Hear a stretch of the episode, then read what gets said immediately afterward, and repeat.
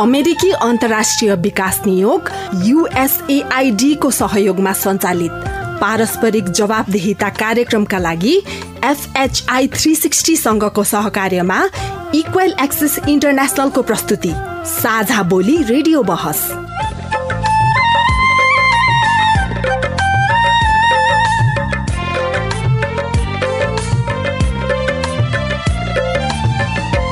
नमस्कार। साझा बोली रेडियो बहसमा तपाईँलाई स्वागत छ। म दुर्गा उपाध्याय। साझा बोली रेडियो बहसमा हामी नागरिक समाज आम संचार माध्यम र सार्वजनिक निकाय बीचको पारस्परिक जवाफदेहिता र आपसी दिगो सम्बन्धका विषयमा बहस गर्छौं। पारस्परिक जवाफदेहिताका क्षेत्रीय सवाल र परिवेश समेटेर तयार पारिएको साझा बोली रेडियो बहसको यो स्थानीय संस्करण हो। आजको साझा बोली बहस रेडियो शुक्लाफाटा एफएम उनान्सय दशमलव चार मेगा हर्जले उत्पादन गरेको हो। यो कार्यक्रम कैलाली जिल्लाको सुनौलो एफएमबाट पनि सुन्न सकिन्छ। साझा बोली रेडियो बहस तपाईँले पाक्षिक रूपमा यसै समयमा सुन्न सक्नुहुन्छ। साझा बोली रेडियो बहसको यो स्थानीय संस्करणको चौबिसौं भाग हो। झण्डै पाँच वर्ष अघिदेखि प्रसारण भइरहेको साझा बोली यस वर्ष रेडियो बहसका रूपमा उत्पादन तथा प्रसारण शुरू भएको हो।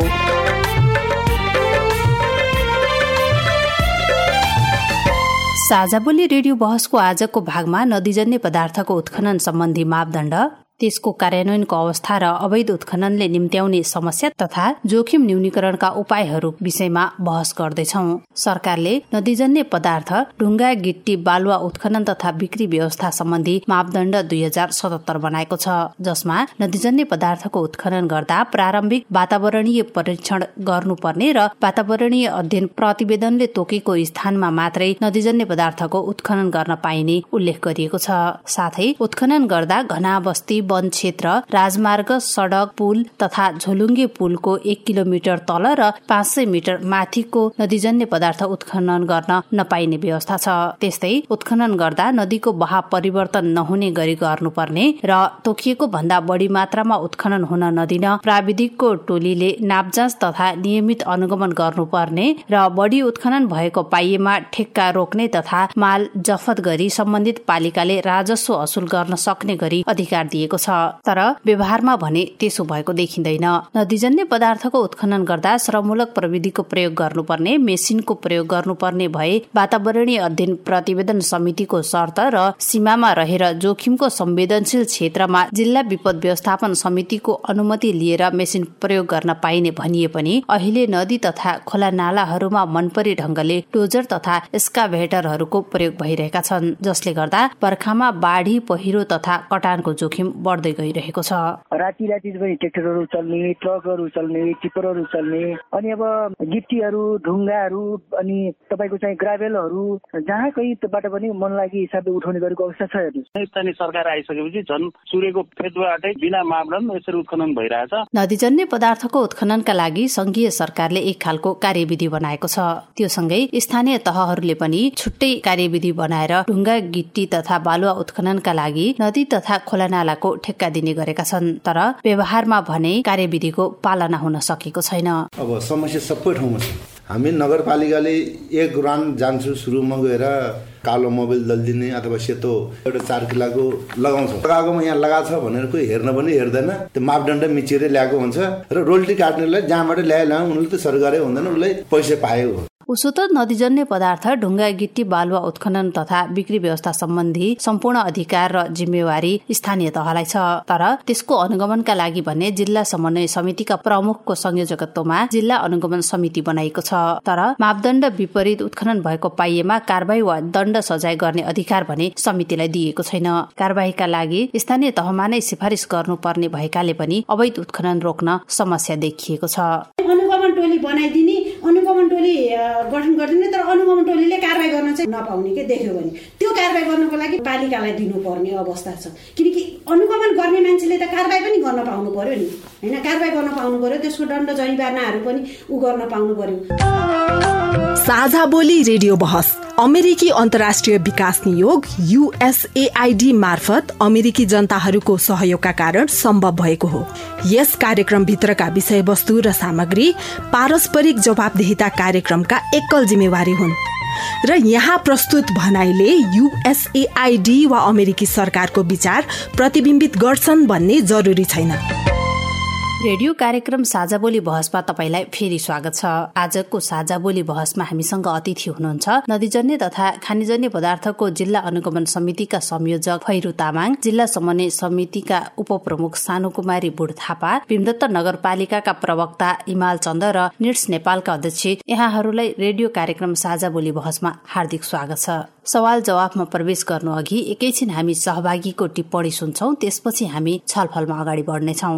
हजुर नमस्ते। म अर्जुन बहादुर सिंह नेपाल पत्रकार कञ्चनपुर शाखाको सदस्य घर शुक्लाभाटा नगरपालिका वार्ड नम्बर दस झलारी। अहिले कञ्चनपुरमा अब एकदम नदी उत्खनन भइरहेछन् बिना मापदण्ड कुनै छैन। स्थानीय सरकार आइसकेपछि झन् सूर्यको फेदबाटै बिना मापदण्ड यसरी उत्खनन भइरहेछ। हाम्रो यता पनि शुक्लाभाटा नगरपालिकामा वार्ड नम्बर आठमा दुई तिन खोला गौडी खोला अनि यो बनारा खोला र यो सुनौरा खोलामा अब स्काई भेटर टिप्पर ट्र्याक्टर खोलामै लगेर पानी बगिरहेको अवस्थामा उत्खनन भइरहेछ। अनि गजब कुरा के छ हाम्रो स्थानीय तहले त्यो ठेक्का प्रक्रिया नभइकनै त्यहाँ ओडाले प्रयोग गरिरहेको आफू। मैले पटक पटक जिल्ला समन्वय समितिका प्रमुख कञ्चनपुरका फैरू तामाङलाई जानकारी गराउँदा पनि उहाँले प्रमुख जिल्ला अधिकारीलाई भनेर त्यहाँ प्रहरी खटाउँछु त्यो रोक्छु भनेर पटक पटक आश्वासन दिने। तर यहाँ प्रहरी जानुभन्दा अगाडि त्यहाँ त्यो भूमाफियाहरूको मिलोमतो ती भाग्ने गरेका छ यहाँ पछिल्लो समयमा। त्यस्तो अनुगमन केही भएको छैन।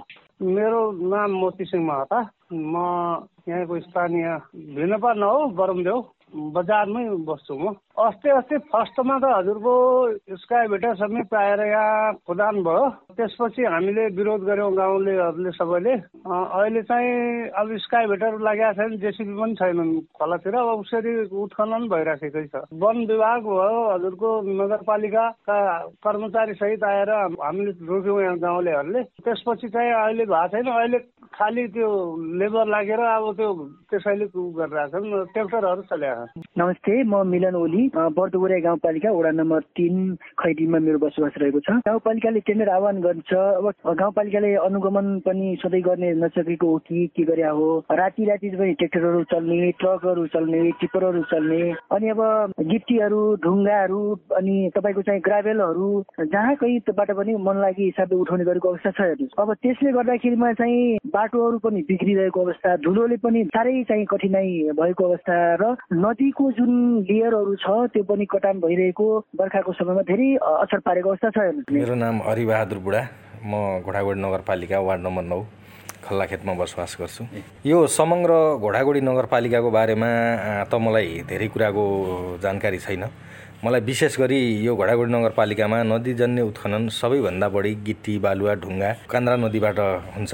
म त्यो कान्द्रा नजिकै बसोबास गर्छु म घोडागोडी नगरपालिका वार्ड नम्बर नौमा। यसमा के छ भने घोडागोडी नगरपालिकाको जुन मापदण्ड अनुसारको चाहिँ त्यो ढुङ्गा बालुवा गिटी उत्खनन गर्नुपर्ने अथवा उठाउनु पर्ने हो। यसमा के छ भने तपाईँको यो नदीजन्य उत्खनन गर्दै गर्दा चुरेदेखि लिएर हरेक ठाउँमा नदी नालाहरूमा चाहिँ जेसिबी अनि तपाईँको चाहिँ स्काइभेटर प्रयोग गरेर बर्खामा चाहिँ डुबान हुने अनि तपाईँको चाहिँ त्यहाँ चाहिँ नदी नालाहरू समस्या हुने एक ठाउँबाट बग्ने अर्को ठाउँबाट बग्ने त्यस्तो समस्या चाहिँ समग्र रूपमा देखिएको छ। म बलिराम देवडा थारू गाउँपालिका अध्यक्ष। यो पालिकामा अनुगमन प्राविधिकले हाम्रो अनुगमन गर्छ। हामी पनि कहिले काहीँ फुर्सद टाइममा हामी पनि आउँछौँ अनि प्राविधिकलाई पनि उत्खनन गर्ने ठाउँमा प्राविधिकहरूलाई टोइलेट नै खटाउँछौँ। जस्तो त्यो अवैध रूपमा उत्खनन पनि हुने गरेको छ त्यस्तो कारवाही गर्नु के गर्नु भएको छ त्यस्तो के भेटाउनु भएको छ केसहरू? त्यो त्यस्तो छैन हामीसँग अहिले। किन जिल्लाको टोली जिल्ला समन्वय समितिको होइन त्यहाँको एकजना कार्यकारी प्रमुखज्यू आउनु भएको थियो आफू नै गएर टोल टोलमा गएर त्यो सबै कुराहरू पब्लिकबाटै होइन उहाँले सोधपुछ ध्यान स्यान लिनुभयो त्यस्तो कहीँ कतै पाइएन। अब हामी विषयमा प्रवेश गर्छौँ। आज हामी नदीजन्य पदार्थको उत्खनन सम्बन्धी मापदण्ड त्यसको कार्यान्वयनको अवस्था र अवैध उत्खननले निम्त्याउने समस्या तथा जोखिम न्यूनीकरणका उपायहरूका विषयमा छलफल गर्दैछौ। हामीले सहभागीको कुरा पनि सुनौ। आजको छलफलमा पहिलो प्रश्न जिल्ला समन्वय समिति कञ्चनपुरका प्रमुखज्यूलाई अनुगमनको अवस्था के छ? कसरी हामीले अनुगमन गर्ने गरेका छौँ? हामीले पटक पटक अनुगमन गरेकै छ। कतिपय ठाउँमा सरकारले ठेक्का दिएकोलाई पनि अवरोध गरेको छ भनेपछि कतिपय ठाउँ अघि त्यो उपभोक्ताहरूले भने जस्तै ठेक्कै नभएको ठाउँबाट उठाएको मात्रै त हामीले रोक्नलाई अब सिडिओलाई भनेर सायद रोकेको छ जहाँसम्म लाग्छ। त्यही हो ठ्याक्कै भन्ने बित्तिकै रोकिएन होला किनकि सिडिओले पनि आदेश दिनु पऱ्यो अनि यथार्थ बुझ्नु पऱ्यो गरेर विवाद आएको ठाउँहरू अहिले धेरै जस्तो खोलाहरू रोकिएको पनि छ। नगर प्रवक्ता हुनुहुन्छ हामीसँग भीमदत्त नगरपालिकाका हिमाल चन्द्रजी। यो अवैध उत्खनन गर्नेहरूलाई कारवाही गर्नको लागि नगरपालिकाले कस्तो कार्यविधि बनाएको छ? त्यो त अब अवैध रूपमा उत्खनन गर्न भेटियो भने प्रति पटकलाई जोपर जोप गरेर गरिरहेका छौँ पाँच हजार दस हजार पन्ध्र पच्चिस त्यो गाडीको प्रकृति हेरेर भने त्यो किसिमले अगाडि जाने जरिमाना चाहिँ काट्ने भन्ने किसिमको छ। अब यो अवैध उत्खनन भन्ने बित्तिकै अब होला जिल्लाभरि कहाँ त होला। तर अब कस्तोलाई भन्ने भन्ने कुरा हो कि अब आइभएको छ अनि ठेका प्रक्रियामा गएको छ भने भने त्योभित्र अब नदी किनारबाट दुई सय मिटर छोडेर गर्ने अनि एक मिटरभन्दा बढी गएर खाइरो नखन्ने बिचमा होइन? अनि खोलालाई चाहिँ नदीको बिचै बिच चाहिँ बगाएर लैजाने। र जसले गर्दा बर्सातमा आउने बाढले पनि अलिक क्षति कम होस् भन्ने ध्येयका साथ गरिन्छ।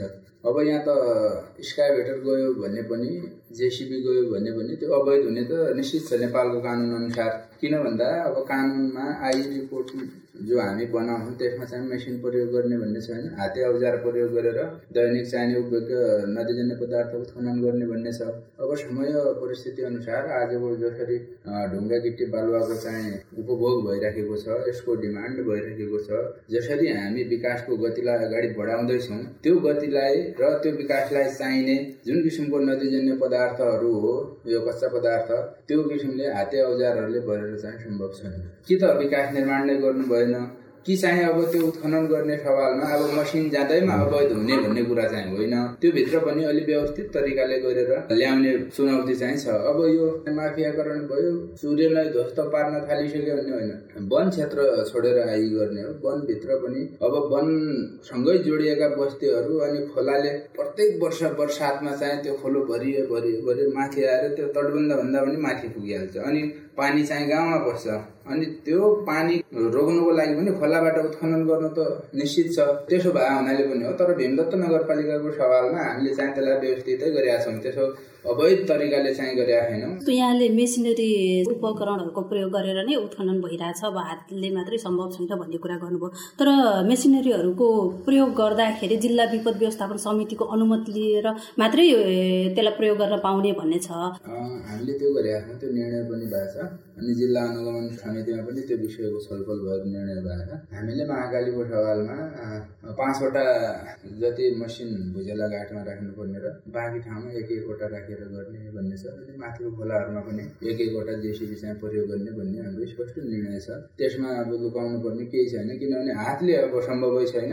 त्यसो भए हुनाले अब विपदलाई पनि अब त्यो जोखिम न्यूनीकरण गर्नुको निमित्त हामीले मसिनै प्रयोग गरेर भए पनि खोलाको बाबलाई चाहिँ अब बिचमा बिच बगाउनु पर्ने हुन्छ।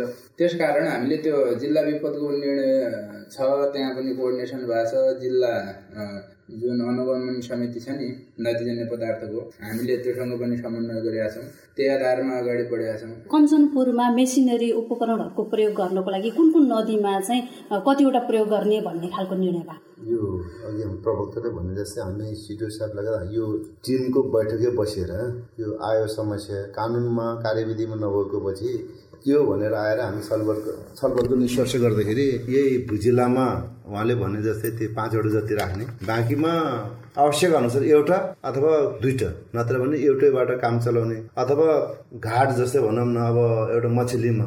त्यो एउटा घाटमा कहीँ एउटाले कभर गर्छ कहीँ दुईवटा दुईवटा भन्दा बढी नै भनेर हामीले सहमत गरेको चाहिँ त्यसरी हो। म नागरिक समाजतर्फ आउन चाहन्छु यो सहभागी कुरा सुन्दाखेरि नदीजन्य पदार्थहरूको अवैध उत्खनन भइरहेको छ भन्ने खालको कुराहरू पनि सुन्यौँ हामीले।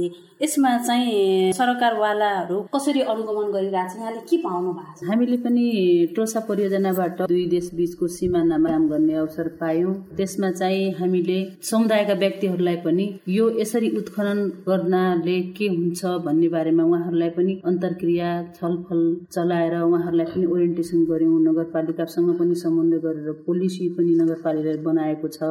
जुनमा टेकेर नै काम गरेको पाइएको छ भन्ने छ। फेरि पनि कता कता जुन हाम्रो दुई सय मिटरभन्दा यता उत्खनन गर्दै नगर्ने दुई सौ मिटरभन्दा यता उत्खनन गरेपछि यतातिरको भाग गहिरो भएर विपद आउन सक्छ। हिमालजी अब भर्खरै अन्जुजीले भन्नुभयो अब छेउछेउबाट खन्ने भएकोले अब जोखिम बढ्दो छ भने त्यो हामीले देखेका पनि छौँ भोग्दै पनि आयो यो ठेक्का दिँदाखेरि चाहिँ हामीले बिचको भाग भनेर तोक्न सक्ने अवस्था छ के छ? छ त। टोटल महाकालीको सोह्र सय समथिङ एरिया छ। त्यहाँबाट हामीले दुई ढाई सय जति त पानीले ढाकिएको क्षेत्र भनेर छुट्टा राखिएको हुन्छ त्यसपछि किनाराबाट दुई सय मिटर छोड्ने अनि दुई सय उताबाट छोड्ने चार सय मिटर गरेर त्यो खनन गर्ने त निश्चित ठाउँ हुन्छ। नदीको बिचौँ बिचबाट हुन्छ। अब यहाँ समस्या के हो उहाँले भाइरल रोडको कुरा उठाइदिनु भयो ठ्याक्क। त्यो बग्ने यहाँबाट अलि योभन्दा बढी पानी आयो भने यसरी यहाँनिर यहाँनिरबाट तोड्ने हो र यसरी यसरी जाने हो भन्ने कुरा प्राविधिक रूपमा ठेक निर्माण कम्पनीलाई पनि थाहा थियो र पुल आयोजनालाई पनि थाहा थियो। त्यही भएर जहाँनिर त्यसले तोड्या छ त्यहाँनिर त्यसले पिच पनि गरेका थिएन। पुलसँगको जो सडक कनेक्टिभिटी थियो त्यहाँ पनि पिच गरेका थिएन। हामीले देखाएको थियौँ नि। किनभने यो बगाउँछ पानी आयो धेरै भनेर भने तिनीहरूले पूर्वानुमान गरेका थिए। अब जो छाड्दा ब्यारेजदेखि त्यो बिचको उसो भएको कुरा गर्नुभयो नि हो समस्या त्यहीँ हो। अब ठुलो परिणाममा चाहिने चाहिने पुल आयोजनालाई अनि पुल आयोजनाले पन्ध्र सय र पाँच सय मिटरभित्र कुनै पनि किसिमको उत्खनन चाहिँ अवैध हुन्छ भनेर हामीलाई लेखेर पठाएको। अनि सम्बन्धित निर्माण कम्पनीले त्यहाँनिरबाट त्यो जम्मै भइरहेछ सबै गरेर त्यहाँ खाल्डो बनाइसक्यो फेरि पनि पानी यतै आउँछ। त्यसो भए उस्तो ठाउँबाट उठाउनु तपाईँ भनेपछि यो पाँच सय र पन्ध्र सय मिटरतिर त हामी काम गर्दैछौँ भन्छ अनि काम गर्ने सवालमा चाहिँ ठुलो परिणाममा उत्खनन गरिरहेको छ। यो कुराको पनि अब बहस हुनु जरुरी छ सबैसँग। अब भोलि त्यो उत्खननले के परिणाम निम्ति आउँछ र अब त्यसमा चाहिँ सबै फेरि जुट्नुपर्ने हो विपद रोक्नुको निमित्त त। त्यसो भएको हुँदा अब अवैध उत्खनन भएकै हो भन्ने कुरा त होइन। तर कतै छैन पनि भन्न सकिँदैन। हामीले चाहिँ सकेसम्म हाम्रो स्रोत साधन जुन जनशक्ति छ त्यही किसिमले चाहिँ हामी प्रयोग गरेर रोक्ने प्रयास चाहिँ नगरपालिकाको तर्फबाट एकदमै छ। र मलाई लाग्छ जिल्लाभरिमा भीमदत्त नगरपालिकाभित्र धेरै चाहिँ यसको रोकथामको निमित्त हामीले पहल गरेका छौँ अनुगमन गरेका छौँ र यो विषयमा सबैलाई जानकारी गराएका छौँ सबै उत्खनन हुने सम्भाव्य क्षेत्रहरूको हामी हामीले आइ गरेका छौँ त्यसको निमित्त जुन अहिले नेपाल सरकारले नै एउटा ढुङ्गा गिटी बालुवा उत्खनन सम्बन्धी मापदण्ड निर्माण गरिदिएको छ। त्यसपछि हामीले पनि नगरपालिकाले पनि छुट्टै त्यो बनाएको छ।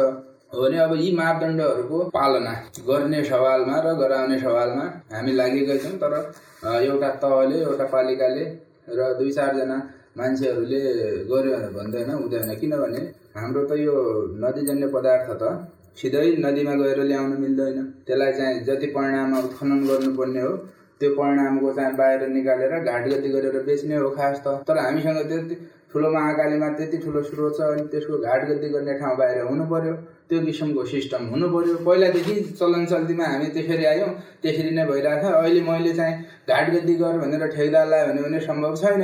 त्यसो हो भने हामीले यतिसम्म पनि भनेका छौँ कि बाहिर तपाईँहरू स्टक राख्नुहुन्छ नदीजन्य पदार्थ। त्यो स्टक प्रमाणित गराउनुहोस्।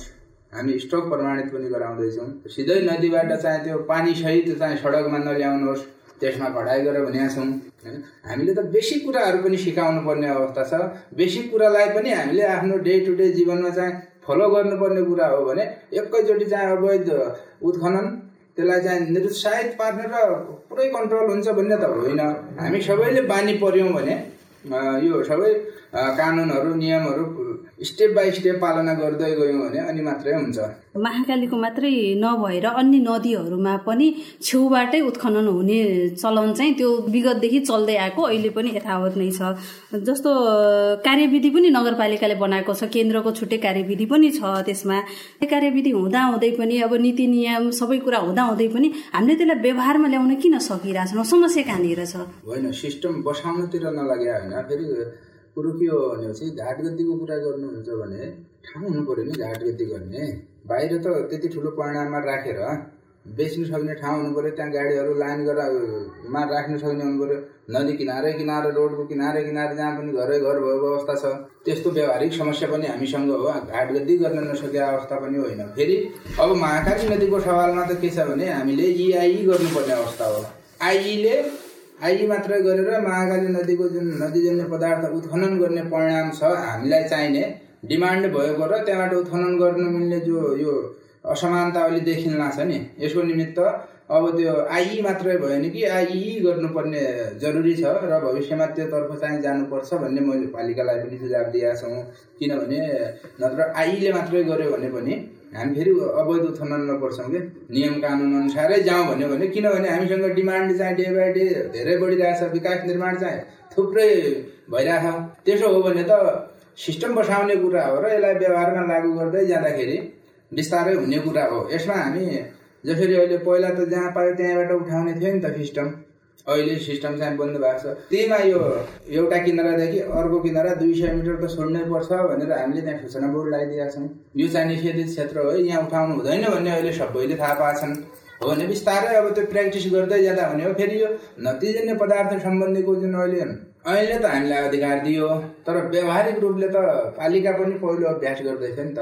योभन्दा अगाडि त अर्को निकायले गर्थ्यो यसको अभ्यास लामो समय जिल्ला विकासले चाहिँ ठेक्का प्रक्रियादेखि लिएर स्थानीय विकास मन्त्रालयले विभिन्न मापदण्डहरू कानुनहरू बनाए त्यही किसिमको कानुन अनुसार अगाडि बढ्यो। अब देशमा संहिता आइसकेपछि पहिलो पटक दुई हजार चौहत्तर सालपछि र हामी यही वर्ष चाहिँ यसमा कार्यान्वयन गर्दैछौँ। सुरुको वर्षमा त हामीले ठेक्का लाउन सकेनौँ। के हो?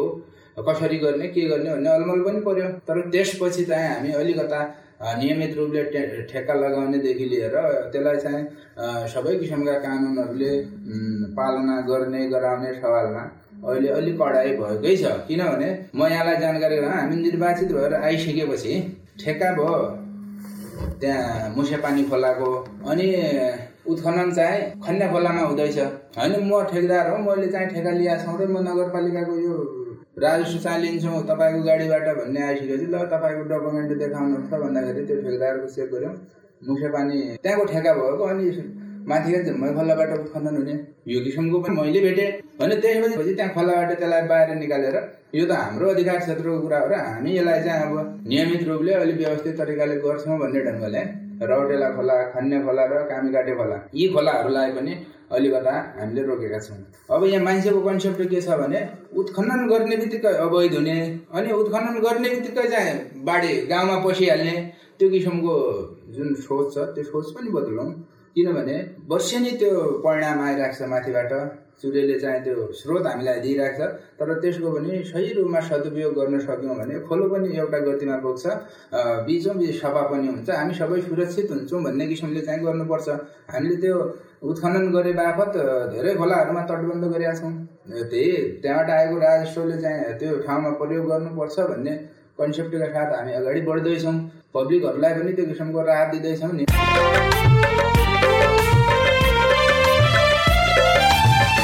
तपाईँ अहिले पारस्परिक जवाफदेहिता प्रवर्धनका लागि साझा बोली रेडियो बहस सुन्दै हुनुहुन्छ। हामी कुरा गरिरहेका छौँ नदीजन्य पदार्थको उत्खनन सम्बन्धी मापदण्ड त्यसको कार्यान्वयनको अवस्था र अवैध उत्खननले निम्त्याउने समस्या तथा जोखिम न्यूनीकरणका उपायहरू भन्ने विषयमा र हामीसँग हुनुहुन्छ जिल्ला अनुगमन समितिका संयोजक फैरू तामाङ जिल्ला समन्वय समितिका उपप्रमुख सानो कुमारी बुढ थापा भीमदत्त नगरपालिकाका प्रवक्ता हिमाल चन्द र निट्स नेपालका अध्यक्ष अन्जु भट्ट। यतिन्जेल हामीले नदीजन्य पदार्थको उत्खननको अवस्था सरकारले बनाएको मापदण्ड र त्यसको कार्यान्वयनको अवस्थाका विषयमा छलफल गर्यौं। साझाबोली रेडियो बहसमा सरकारले बनाएका कानून कार्यान्वयनमा देखिएका समस्या अवैध उत्खननले हुन सक्ने जोखिम र त्यसको न्यूनीकरणका उपाय तथा विपद व्यवस्थापनका विषयमा पनि छलफल गर्नेछौ।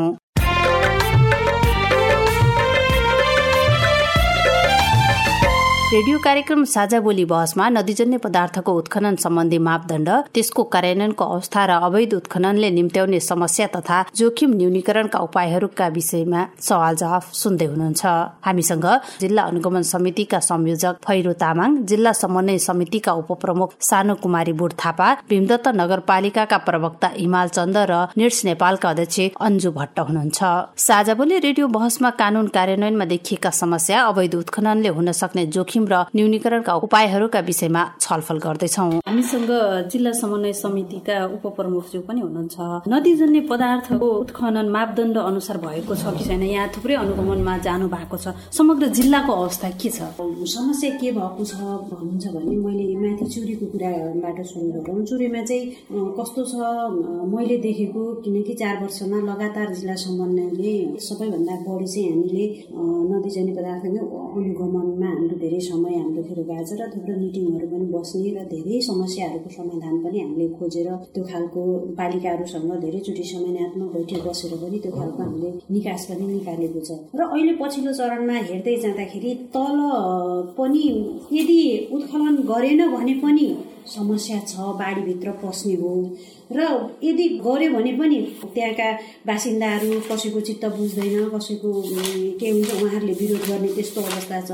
र सबैभन्दा पहिला मलाई चाहिँ के लाग्छ भने अलिक बजेट ठुलो प्रदेश र सङ्घीय मन्त्रालयले अलिक बजेट हालेर जुन माथिको चुरेको पहाड भत्किँदैछ त्यो बारेमा ध्यान दिनुपर्छ जस्तो मलाई लाग्छ। किनभने त्यसमा हामीले त्यसलाई छेकबार गर्नको लागि के विधि अप्नाउन पर्छ त्यो चुरेलाई बचाउनको लागि हामीले के अप्नाउनु पर्छ या त्यसलाई तार जालीको माध्यमबाट हुन्छ? या कुनै बोटबिराहरूको माध्यमबाट हुन्छ? कसरी हुन्छ? त्यसलाई रोक्नको लागि के हामीले निकास निकाल्न पर्छ भन्ने खालको चाहिँ महत्त्वपूर्ण हो जस्तो मलाई लाग्छ। किनभने यदि हामीले तल मात्रै हेर्ने हो तलका खोलाहरूमा मात्रै हामीले ध्यान दिने हो र तल निकाल्नु भने त्यहाँका मान्छेहरूले निकाल्न नदिने ननिकाल्नु भने पनि फेरि अघिल्लो पल्ट बर्खाको बेलामा जो कि पुरै बाढी यतापट्टि आउन लागेको थियो माथि खन्ने खोलामा। सबै पस्न लागेको थियो र नगरपालिकाका जेसिबी टिप्पर सब गरेर त्यो छेकबार गर्दाखेरि बल्ल तल त्यहाँका जनताहरू बचे। त्यस्तो कन्डिसन छ। त्यही भएर हामीले एकचोटि पहिला मूल जडो कहाँ हो त्यो चाहिँ पत्ता लगाउनु पर्ने जरुरी छ। र त्यो माथिको जुन पहाड भत्किँदैछ त्यो पहाड भत्किन नदिनको लागि त्यसलाई बचाउनको लागि हामीले सेभ त्यसलाई कसरी सेभ गर्न सकिन्छ र त्यसलाई कसरी तारजाली हालेर हो कि के माध्यमबाट हो त्यसलाई कसरी रोक्न सकिन्छ भन्ने कुराहरू सङ्घीय मन्त्रालयले र प्रदेश सरकार यो स्थानीय तहले त्यो धान्न सक्दैन त्यत्रो ठुलो बजेट हुँदैन र त्यो अलिक ठुलै गुछिएको ठुलै बजेटहरू त्यहाँ हालेर हामीले त्यो नगर्यौँ भने यता यो भीमदत्त नगरपालिकाको यो माथिको भाग चाहिँ पुरै डुबानमा जाने अवस्था सिर्जना हुन्छ। नगरपालिकाहरूले पनि आफ्नो सक्दो गरेका छन्। उहाँहरूले पनि लागिराख्नु भएको छ। जिल्ला समन्वयले पनि हामी धेरैचोटि गरेका छौँ। र सुरुको पेजमा हेर्ने भने ठुल्ठुला खाल्डर पारेर उत्खनन भइराखेका थिए। त्यसलाई हामीले सबै बसेर एउटा सहमति बनाएर रोकेका छौँ। र धेरै खोलाहरूमा जेसिबी हुन्थे। अहिले आएर हामीले त्यो गर्न हुँदैन। हामीले बढीमा दुइटा नभयो भने एउटा त्योभन्दा माथि लिनुहुन्न भन्ने खालको त्यो कुराहरू गर्दाखेरि केही रूपमा नियन्त्रण भएको छ? र यसको समाधान समाधान गर्नको लागि चाहिँ जुन भत्किएको चुरो छ त्यसलाई एउटा विज्ञ टोली आएर त्यसको अनुगमन गरेर अनि त्यसलाई कसरी हुन्छ रोकथाम गरेन भने यसले अहिले यो वर्ष अर्को वर्ष भन्दा पनि यसले धेरै ठुलो विकराल समस्या चाहिँ सिर्जना हुन्छ जस्तो मलाई लाग्छ। र अरू समग्र पालिकाको अवस्था हेर्दाखेरि पालिका पनि लागिरहनु भएको छ। यहाँ कस्तो समस्या छ भने ठेकदारहरू पनि ठेक्का हान्न मानिराखेका छैनन्। किन मानिराख्दैन भने त्यहाँका केही समूहहरू आएर ठेकदारलाई एकदमै सताउने र त्यहाँ अवरुद्ध गरिदिने र हामीले यतिसम्म पायौँ कि त्यो उत्खनन गर्दाखेरि वनले पनि त्यहाँ पर्ची काटेको छ उसले ठेकदारले वनलाई पनि पैसा दिनु पर्यो स्कुलले पनि उठाइराखेको छ स्कुललाई पनि दिनु पर्यो र अनि त्यो बाटो बनाउँदाखेरिका त्यहाँका ओडाको छुट्टै हुन्छ त्यसलाई पनि पैसा दिनु पर्यो एउटा ठेकदारले चार पाँच ठाउँमा पैसा बुझाउनु पर्ने अवस्था छ। ती फेलिहरू हामीले जिल्ला समन्वयले खोसेर ल्याइसकेपछि त्यसको बारेमा पनि छलफल हुँदाखेरि उठाउन पाउँदैन। यो गैर कानुनी हो भन्दाखेरि वनले रोक्यो। त्यसपछि स्कुलको ठेली ल्याएर आयौँ हामीले। स्कुलको ठेली ल्याउँदाखेरि होइन हामीलाई स्कुल सञ्चालन गर्नको लागि गाह्रो भयो। त्यसले गर्दाखेरि अब अलिकति स्कुललाई राहत हुन्छ कि भनेर पनि यो यो होइन यो अवैध हो। किनकि त्यसको मार जनताहरूलाई पर्छ। ठेकदारले त धेरै ठाउँमा पैसा तिर्छ। त्यो असुली गर्नको लागि पनि उसले आफ्नो पैसा असुली गर्नेतिर लाग्छ। अनि भएन त्यहाँका केही दुई चारजना मान्छे मान्छेहरूले अझै थर्काएर त्यहाँबाट अरू पैसा उठाउने। किनकि यी कुराहरू ठेकदारको गुनासोहरू पनि बारम्बार आइराख्ने बारम्बार ती कुराहरू अब त हामी सक्दैनौँ सऱ्यो भने र सिधिमिति ठेकाइ नपर्ने ठेकाइ नजाने त्यस्तो अवस्था चाहिँ अहिले सिर्जना भएको छ। जिल्ला समन्वयको हकमा कस्तो छ भने अनुगमन गर्ने कुराहरूमा जिम्मेवारी जिल्ला समन्वयलाई पक्कै पनि दिएको छ अनुगमनको। तर जिम्मेवारी दिँदाखेरि जिल्ला समन्वयलाई आर्थिक रूपमा पनि चाहिन्छ है। त्यहाँ जिल्ला समन्वयको पनि अनुगमन गर्दाखेरि उहाँहरूलाई बैठकमा बसाल्दाखेरि उहाँहरूका गाडी घोडाहरू फिल्डमा दौडिँदाखेरि त्यो खेर पनि आर्थिकको पनि खाँचो पर्छ भन्ने खालको चाहिँ यो कार्यविधि बनाउने मान्छेहरूले चाहिँ त्यो भुल्नु भएको छ। अनि यो कार्यविधिमा यति पर्सेन्ट जिल्ला समन्वयको अनुगमन टोलीलाई नौजनाको अनुगमन टोली बनाएको छ। नौजनासँग थुप्रै मान्छेहरू गएका छन्। जिल्लाका सुरक्षा निकायदेखि लिएर सिडिओदेखि लिएर उहाँहरू नौजनाको अनुगमन टोली छ।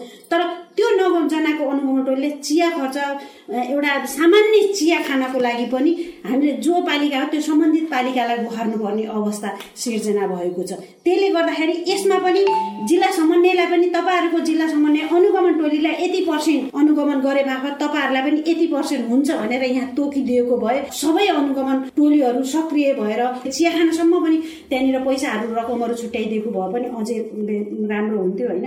त्यो ती विविध यसमा छन् अनि अनुगमन टोली बनाइदिने अनुगमन टोली गठन गरिदिने तर अनुगमन टोलीले कारवाही गर्न चाहिँ नपाउने के देख्यो भने त्यो कारवाही गर्नको लागि पालिकालाई दिनुपर्ने अवस्था छ। किनकि अनुगमन गर्ने मान्छेले त कारवाही पनि गर्न पाउनु पर्यो नि। होइन कारवाही गर्न पाउनु पर्यो त्यसको दण्ड जरिवानाहरू पनि ऊ गर्न पाउनु पर्यो। अनि त्यो खालको चाहिँ यसमा पनि दुविधा छ। कुनै जिल्लाहरूले चाहिँ दण्ड जरिवाना पनि लिने छ तर कसैले त्यसलाई फेरि त्यो अवैध हो यो लिन पाउँदैन भनेर पनि रोकेको अवस्था छ। कसैले चाहिँ त्यसलाई जिल्लासम्म त्यो अनुगमन टोलीले चाहिँ निरन्तरता दिएको अवस्था कार्यविधि बनाएर निरन्तरता दिएको अवस्था यो दुविधाहरू पनि छ क्या यो स्पष्ट एउटा जब अनुगमन टोली गठन हुन्छ त्यसमा पालिकाको पनि प्रतिनिधि हुन्छ त्यहाँ। पालिकाको पनि उहाँहरू मेयर साथ त्यसको सदस्य हुनुहुन्छ।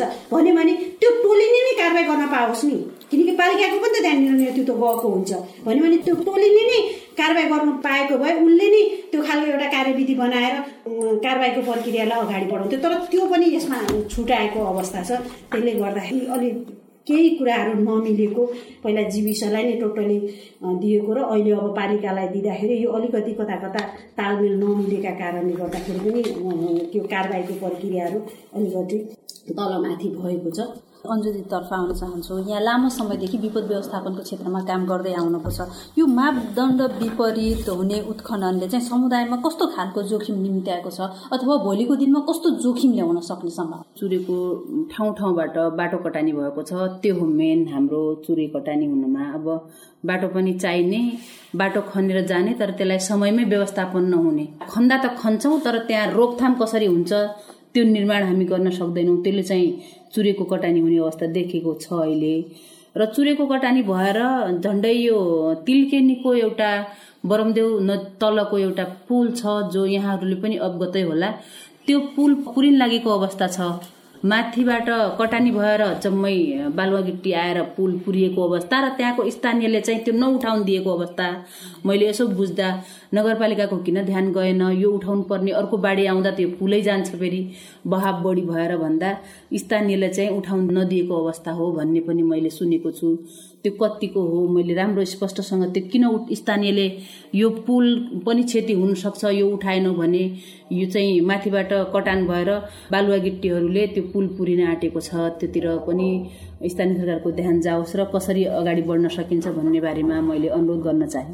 हामीसँग ढुङ्गा गिट्टी बालुवा उत्खनन तथा बिक्री व्यवस्थापन सम्बन्धी कार्यविधि छ तर व्यवहारमा चाहिँ त्यो पालना भएको देखिँदैन। यो भएका कार्यविधिहरू अथवा नीति नियमहरू कार्यान्वयन हुन नसक्नुको कारण के हुन सक्छ जस्तो लाग्छ? समस्या कहाँनिर छ? अब समस्या सबै ठाउँमा छ। नम्बर एकमा पालिकाले जो शर्त राखेर ठेक्का दिन्छ ठेक्का दिएपछि अब त्यो ठेकदारले जिम्मा लियो अब उसले उठाउने भयो त्यो बराबरको त्यो समय आउँछ ठेकदारले अब खोलामा नजाने भयो उनको पनि त्यो रोल्टी काट्नेहरू भनौँ उनीहरू मात्र हुनु। रोल्टी काट्नेले पनि त्यो घाटमा मात्र बस्ने भयो अब जहाँबाट ल्याए लानु उता मुखमा मात्र बस्ने भयो अब उता लाने ल्याउने मान्छेले पनि हामी नगरपालिकाले एक रान जान्छु सुरुमा गएर अथवा कालो मोबाइल दलिदिने अथवा सेतो के भनौँ न एउटा निशानाको एउटा चार किलाको लगाउँछ। लगाएकोमा यहाँ लगाएको छ भनेर कोही हेर्न पनि हेर्दैन र त्यो मापदण्ड मिचेरै ल्याएको हुन्छ र रोल्टी काट्नेलाई जहाँबाट ल्याए ल्याउँ उनीहरूले त सरकारै हुँदैन उसलाई पैसा पाएको हो। र यसमा हामीले धेरै ठाउँमा भयो बस पनि भयो कहीँ नउठाउने पर्ने ठाउँमा उठाएको छ।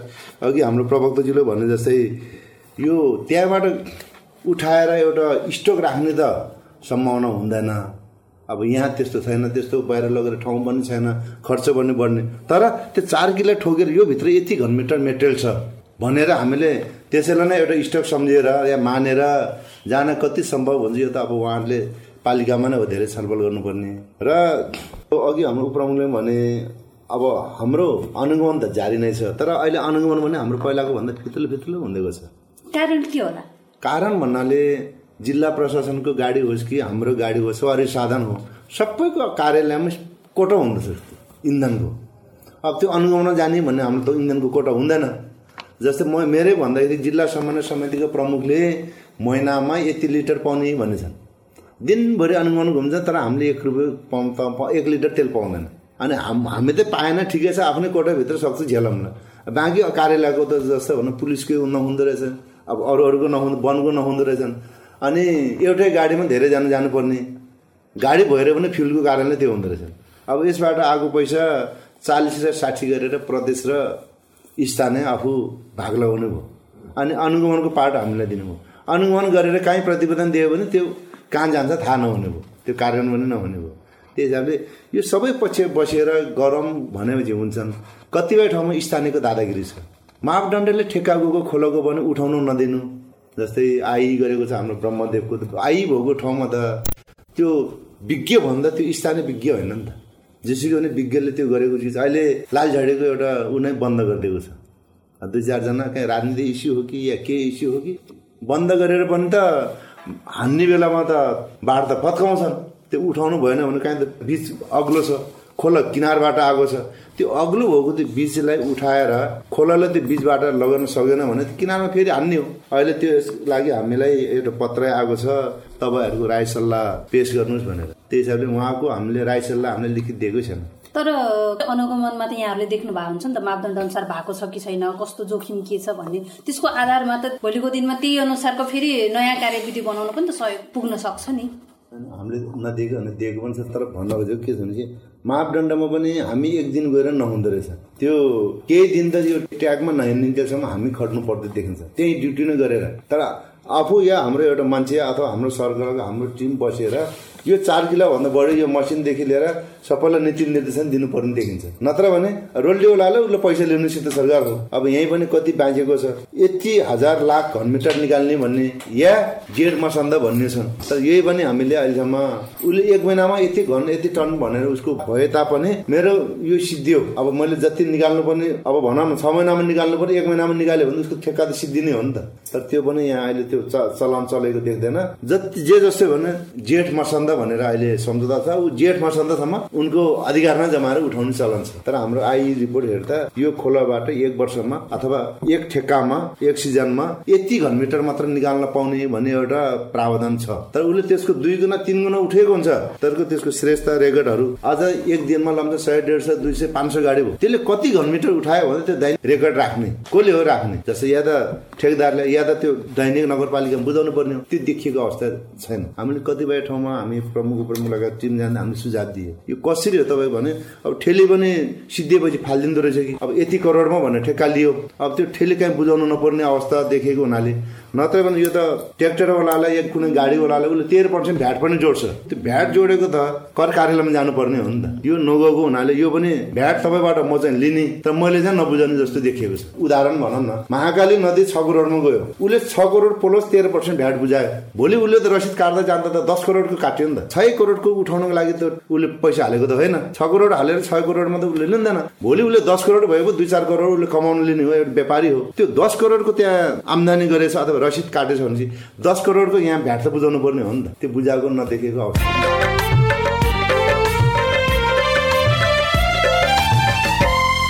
साझा बोली रेडियो बहसमा अहिले हामी कुरा गरिरहेका छौं नदीजन्य पदार्थको उत्खनन सम्बन्धी मापदण्ड त्यसको कार्यान्वयनको अवस्था र अवैध उत्खननले निम्त्याउने समस्या तथा जोखिम न्यूनीकरणका उपायहरूका विषयमा। यतिन्जेल हामीले नदीजन्य पदार्थको उत्खननको अवस्था त्यस सम्बन्धी सरकारले बनाएको मापदण्ड त्यसको कार्यान्वयनको अवस्था र कानून कार्यान्वयनमा देखिएका समस्या र अवैध उत्खननले हुन सक्ने जोखिमका विषयमा छलफल गर्यौं। अब हामी विपद व्यवस्थापनका लागि भइरहेका प्रयास र नागरिक समाजको भूमिकाका विषयमा छलफल गर्दैछौ। तोकिएको भन्दा बढी परिमाणमा पनि निकाल्ने गरिएको भन्ने कुरा आयो। यसमा त अब स्थानीय तहले अनुगमन गरेर त्यस्तो पाइएको खण्डमा बदर गर्ने त्यो जेठ मसान्तसम्म भए पनि बदर गर्ने भन्ने छ। के भइरहेछ? होइन यो त हामी हेर्छौँ। उसले दिन प्रतिदिन रसिद काटे हुन्छ। अब त्यो रसिदको आज कति गाडी गए अनि कति घनमिटरका कति गाडी गयो? घनमिटरको आधारमा लिने हो त्यसले पैसा तर अब व्यवहार त हाम्रो चाहिँ के थियो भने सामान्यतया क्वान्टिटी भन्दा पनि दिन गनेर ठेका दिने चलन चाहिँ पहिलादेखि नै नेपालभरिको यही छ। अब टु बी फ्रेङ्कली भन्नु पर्दाखेरि क्वान्टिटी भन्दा पनि दिन गनेर नौ महिनाको ठेका हो। असाढ साउन भदौ तिन महिना खोला प्रवेश गर्न नदिने नेपाल सरकारको नीति अनि बाह्र महिनामा तिन महिना घटाइसकेपछि नौ महिना चाहिँ खोलाको ठेक्का हो भन्ने आम बुझाइ यही हो। अब अहिले विभिन्न किसिमका अब कुराहरू आइसके विपद जोखिम न्यूनीकरणका कुरा भए प्राकृतिक स्रोतको दोहन रोक्ने कुरा आए विभिन्न समय क्रम अनुसार परिवर्तन हुँदै जान्छन्। अब भोलि योभन्दा पनि थप पुरस्कृत कानुनहरू आउलान्। राम्रो कुरा हुँदै जाने कुरा यो सबै कुरा बनाउने कुरा हो। अब फेरि यहाँ जिल्ला अनुगमन समितिले त्यो उत्खनन वैध छ कि अवैध छ भन्ने मात्रै होइन नि त हेर्ने। यो समितिमा यो जिल्लाका महत्त्वपूर्ण कार्यालय प्रमुखहरू प्रशासन प्रहरी वन अनि हाम्रो चाहिँ आन्तरिक राजस्वको यो सबै आइसकेपछि उहाँहरूको एउटा नेतृत्व चाहिँ जिल्ला समन्वय समितिले गर्ने भएको हुँदा त्यहाँ कानुन कार्यान्वयन गर्ने निकाय त्यहीँ छ। वन सम्बन्धी ज्ञान भएको निकाय त्यहीँ छ। राजस्व सुहावट सम्बन्धी हेर्ने कुरा त्यहीँ छ। सडक सुरक्षाको कुरा छ। त्यो कति ढुवानी साधनले चाहिँ कति गतिमा कुदाउनु पर्ने हो र गति सीमित छ कि छैन? सडक सुरक्षाका कुरादेखि लिएर सबै कुरो त जिल्ला अनुगमन समितिमा बसेका मान्छेहरूसँग छ। त्यसो भएको हुँदा वैध अवैध भन्दा क्रसरको अनुगमन गर्ने कुरा अब सबै कुरा यी सबै कुरा जिल्ला अनुगमन समितिले हेर्ने कुरा हो नि। अब क्रसरहरू खुल्या छन् मापदण्ड पुगेको छ कि छैन? जिल्ला अनुगमन समितिले त्यो त मापदण्डमा स्पष्ट लेखिदिएको छ कि रोक भनेपछि रोक्नु पर्यो भन्ने कुरा मापदण्डमै छ। नेपाल सरकारले जारी गरेको यो नदीजन्य पदार्थ ढुङ्गा गिटी बालुवा उत्खनन व्यवस्थापन सम्बन्धी मापदण्ड दुई हजार सतहत्तर भन्ने आएको छ कि एउटा। त्यसले गरिदिएको छ। अब स्थानीय तहले पनि गरिरहेको छैन भन्ने होइन। हामीले चारवटा चौकीदार राखेका छौँ महाकाली नदीमा। यहाँदेखि यहाँसम्म नउठाउनु दिने आइ गरेको क्षेत्र निषेधित क्षेत्र यो हो भनेर असौज गते खोलामा प्रवेश हुनुभन्दा पहिला हामी सबै ठाउँमा मार्किङ गरिदिन्छौँ झन्डा लगाइदिन्छौँ या ढुङ्गाहरूमा प्यान्ट लगाएर योभन्दा यता चाहिँ नआउनु होला है त्यहाँबाट हामी क्षेत्र दिन्छौँ उनीहरूलाई। यो बिचबाट मात्रै गर्नु भन्ने फेरि समय पनि निर्धारण गरिदिएका छौँ केही नभएको चाहिँ होइन हुँदैछ। हामी चाहिँ भद्रगोलको स्थितिबाट एकदमै राम्रो राम्रो स्थितिमा दिन प्रतिदिन डेभलप गर्दैछौँ के? यसमा चाहिँ अब केही नभइया चाहिँ होइन? हुँदैछ तर अब समय धेरै अगाडि बढिसक्यो। हामी पछाडि नै थियौँ। हामी अब प्रक्रियामुखी प्रशासनमा थियौँ। त्यही भएर हाम्रो प्रक्रिया पुर्याउँदा पुर्याउँदा समयले हामीलाई पछाडि छोडिहाल्छ। त्यसो भए हुनाले अब समय अनुसार चल्न सक्ने संयन्त्र पनि निर्माण गर्नु पर्यो त्यही किसिमका कानुन पनि आउनु पर्यो त्यसलाई कार्यान्वयन गर्नु पर्यो त्यसलाई चाहिँ एडप्ट गर्ने खालको एउटा सोचाइ र संस्कारको विकास हुनु जरुरी छ क्या विपद जोखिम न्यूनीकरणको सवाल पनि म यहाँ जोडिदिन चाहन्छु।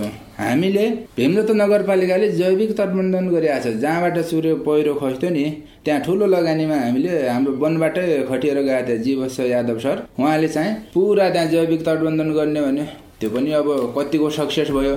यो भीमदत्तको सूर्यको फेदा अमृसो रोप्या छौँ सबै ठाउँमा। हामीले केही नगरे आएन सूर्यलाई चाहिँ अब धेरै चाहिँ अब त्यहाँ पहिरोबाट रोकथाम गर्ने प्रयत्न पनि हुँदैछ। भएको पनि हो। तर अब सूर्यले जुन किसिमको स्रोत हामीलाई दिन्छ वर्षेनी त्यो स्रोतको पनि सही सदुपयोग गर्नुको लागि हामीले चाहिँ त्यसलाई अलिक व्यवस्थित तरिकाले लैजानु पर्ने अवस्था चाहिँ हो। मापदण्ड विपरीत हुने उत्खननले निम्त्याउन सक्ने जोखिम न्यूनीकरणको लागि पालिका र तपाईँको प्रतिबद्धता के हुन्छ? मैले अगाडि भने जस्तै पालिका त एकदम प्रतिबद्ध छ। यो पालिका आफैमा एउटा सरकार भएको हुँदा अनि सरकारको दायित्व विपद जोखिम न्यूनीकरण देखि लिएर नागरिकको सुरक्षा गर्ने र हरेक पीडामा उहाँहरूसँग उभिन सक्ने एउटा क्षमता राख्नुपर्छ सरकारले भन्ने हो। त्यो किसिमले चाहिँ हामी लागेकै छौँ। जसरी तटबन्धनका कुराहरू हुन् चाहिँ अब त्यो बाढी पहिरोका कुरा डुबानका कुरा यी यावत कुराहरूलाई लिएर हामी एकदमै संवेदनशील पनि छौँ। र त्यो क्षेत्रमा काम पनि गर्छौँ।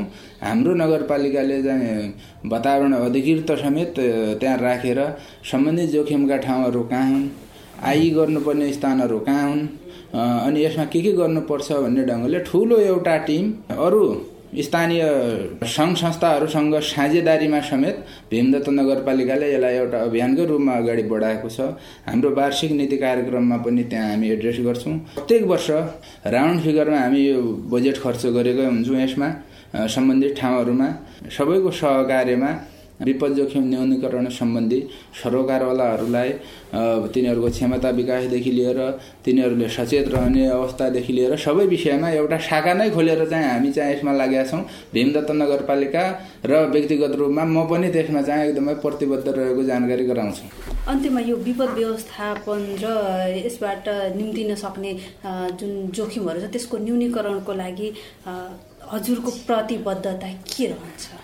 अब कानुनले तोकेको मापदण्डभन्दा हामी जानु हुँदैन। अहिले यो ठेक्का दिने निकाएर यो हाम्रो जिल्लासम्म नै हामीहरूले पनि अझै यसले समय बढिदिनुपर्छ यसलाई महत्त्व दिनुपर्छ र अनुगमन टिमले पनि यो अनुगमनलाई प्रभावकारी बनाउनको लागि जो सरकार छ स्थानीय होस् कि सङ्घ प्रदेशको कार्यविधिमा यसलाई अलिक एक्टिभ हुनेको लागि एउटा कार्य एउटा जिम्मेवारी साथको त्यो अनुगमन टिम बनाइदियो भने यसले आफ्नो मिटिङमा बसेर छलफल गरेर यसलाई अगाडि बढाउनमा रोकथाम गर्न भनौँ न क्षति हुन नदिनमा गर्ने प्रयासहरूमा गर्न सकिन्छ। अन्जुजी तपाईँको प्रतिबद्धता? हाम्रो प्रतिबद्धता भन्नाले नागरिक समाजले गर्ने काम र सङ्घ संस्थाले गर्ने काम भनेको कुनै ठाउँमा ग्याप छ भने सूचना दिने मात्रै हो। स्थानीय सरकारलाई सहयोग गर्ने उहाँहरूसँग हातेमा लगाउँदै यहाँनिर ग्याप छ भनेर उहाँहरूलाई सूचना दिने र अनुरोध गर्ने काम मात्रै हाम्रो हो। त्यसमा हामी कहिल्यै पछि पर्ने छैनौँ र संस्थामा भएका प्रोग्राममा उहाँहरूसँग समन्वय गरेर यो ठाउँमा हामी यो गर्न सक्छौँ। यहाँहरूको के छ भनेर समन्वयमै चलेका छौँ र आगामी दिनमा पनि चल्नेछौँ भन्ने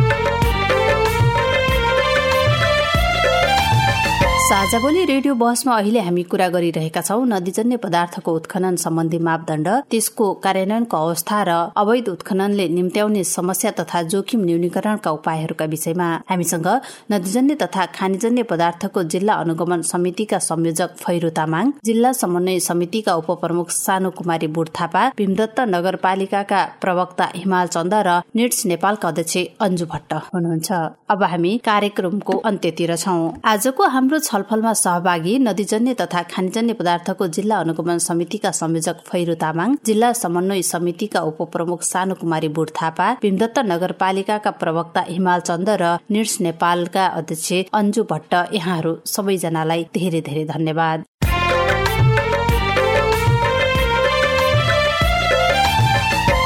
हामी साझाबोली रेडियो बहसको अन्त्यमा आइपुगेका छौँ। साझाबोली रेडियो बहसबारे मनका कुरा भन्नका लागि एनटिसीको मोबाइल वा ल्यान्डलाइन प्रयोग गर्नुहुन्छ भने सोह्र साठी शून्य एक शून्य शून्य चार पाँच नौमा फोन गर्न सक्नुहुन्छ। एनसेल प्रयोग गर्नुहुन्छ भने अन्ठानब्बे शून्य पन्ध्र एकात्तर शून्य उन्तिसमा फोन गर्नुहोला। यी नम्बरहरूमा फोन गरेको पैसा लाग्दैन र प्राप्त निर्देशन अनुसार प्रश्न सोध्न सकिन्छ। पारस्परिक जवाफदेहिता बारे आफूले देखे सुने या भोगेका कुनै कुरा लेख मार्फत व्यक्त गर्न चाहनुहुन्छ वा अरूका लेख पढ्न चाहनुहुन्छ भने W W W dot एमईआरओआरईपीओआरटी dot एनईटीमा पनि लगइन गर्न सक्नुहुन्छ। साझा बोली रेडियो बहस तपाईँले मेरो रिपोर्ट वेबसाइट पोडकास्ट च्यानल र सामाजिक सञ्जालहरूमा पनि सुन्न सक्नुहुन्छ। हवस् त आजको साझा बोली रेडियो बहसबाट अब विदा हुने बेला भयो। आज हामीले नदीजन्य पदार्थको उत्खनन सम्बन्धी मापदण्ड त्यसको कार्यान्वयनको अवस्था र अवैध उत्खननले निम्त्याउने समस्या तथा जोखिम न्यूनीकरणका उपायहरूका विषयमा कुराकानी गर्यौं।